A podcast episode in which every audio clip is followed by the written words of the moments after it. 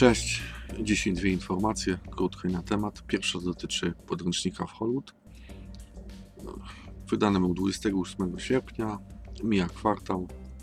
Obiecywałem, że gwarantuję przynajmniej jedno wydanie poprawkowe, reedycję i tak właśnie się stało. Dzisiaj wrzuciłem już plik na serwer.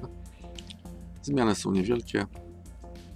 Na samym podręczniku przybyło 6 stron i jest dodatkowy plik ze źródłami. Mm, Czego dotyczą zmiany? Jest spis zawartości, to jest w których plikach. Jest poprawka do kwiatka, usuwająca rzadki błąd z odświeżaniem tła postaci.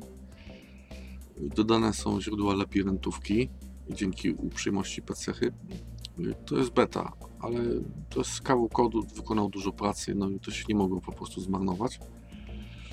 Jest dołożony dosyć ważny przykład programu z własnym menu, jak zrobić bez użycia wtyczek MUI, Royale i Rapagui menu do programu. No i dodałem jeszcze wyjaśnienia odnośnie działania odświeżania ekranu i pewnego feature'a w mini przygodówce, który nie rzutuje na wynik rozgrywki, ale ktoś mógł się w kodzie dopatrzyć, czego coś tak działa. I to jest pierwsza informacja. Nie planuję kolejnych edycji. Jeżeli kiedyś będę pisał coś na temat Hollywood, to albo będzie artykuł, albo będzie zupełnie nowa książka. Ale to na pewno nie w, w, w przyszłym roku. Bo no, nie ma jeszcze, że tak powiem, peletonu. No, wyszedł podręcznik i ludzie zaczęli go czytać, ale jeszcze nie ma, że tak powiem, osób aktywnych w temacie. Nie ma dla kogo pisać kolejnych rzeczy po prostu. Także na razie wystarczy. Mm, Wrócimy do tego za jakiś czas. W międzyczasie, chociaż rzekomo nie istnieje słowo międzyczas, ale następną publikację, jaką będę będzie już nie związana z programowaniem i prawdopodobnie nie będzie związana z Amigo NG.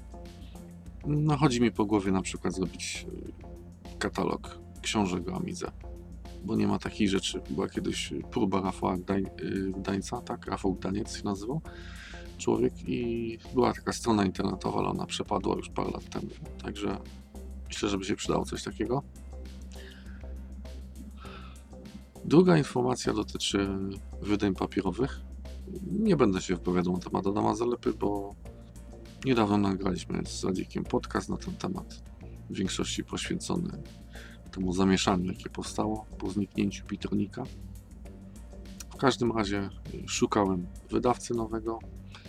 Yy, Jestem po wstępnych rozmowach z yy, Arkiem z magazynu Komoda i Amiga i jest prawie pewne, że y, oni będą nas wydawać teraz, bo oni będą się zajmować drukiem i dystrybucją i będziemy na ich stronie do kupienia. Reszta pozostaje bez zmian, czyli cała ta otoczka amiga.org.pl będzie funkcjonować. Po prostu zmieni się wydawca. Zamiast y, Adama Zalepy będzie nas wydawał y, Komoda Amiga Plus. Y, no ale to jeszcze minie trochę czasu, bo wiadomo, że to sprawy mają swój bieg, to jest hobby, to nie jest rzecz, która jest potrzebna codziennie, ale już mniej więcej takie wstępne ustalenia zapadły.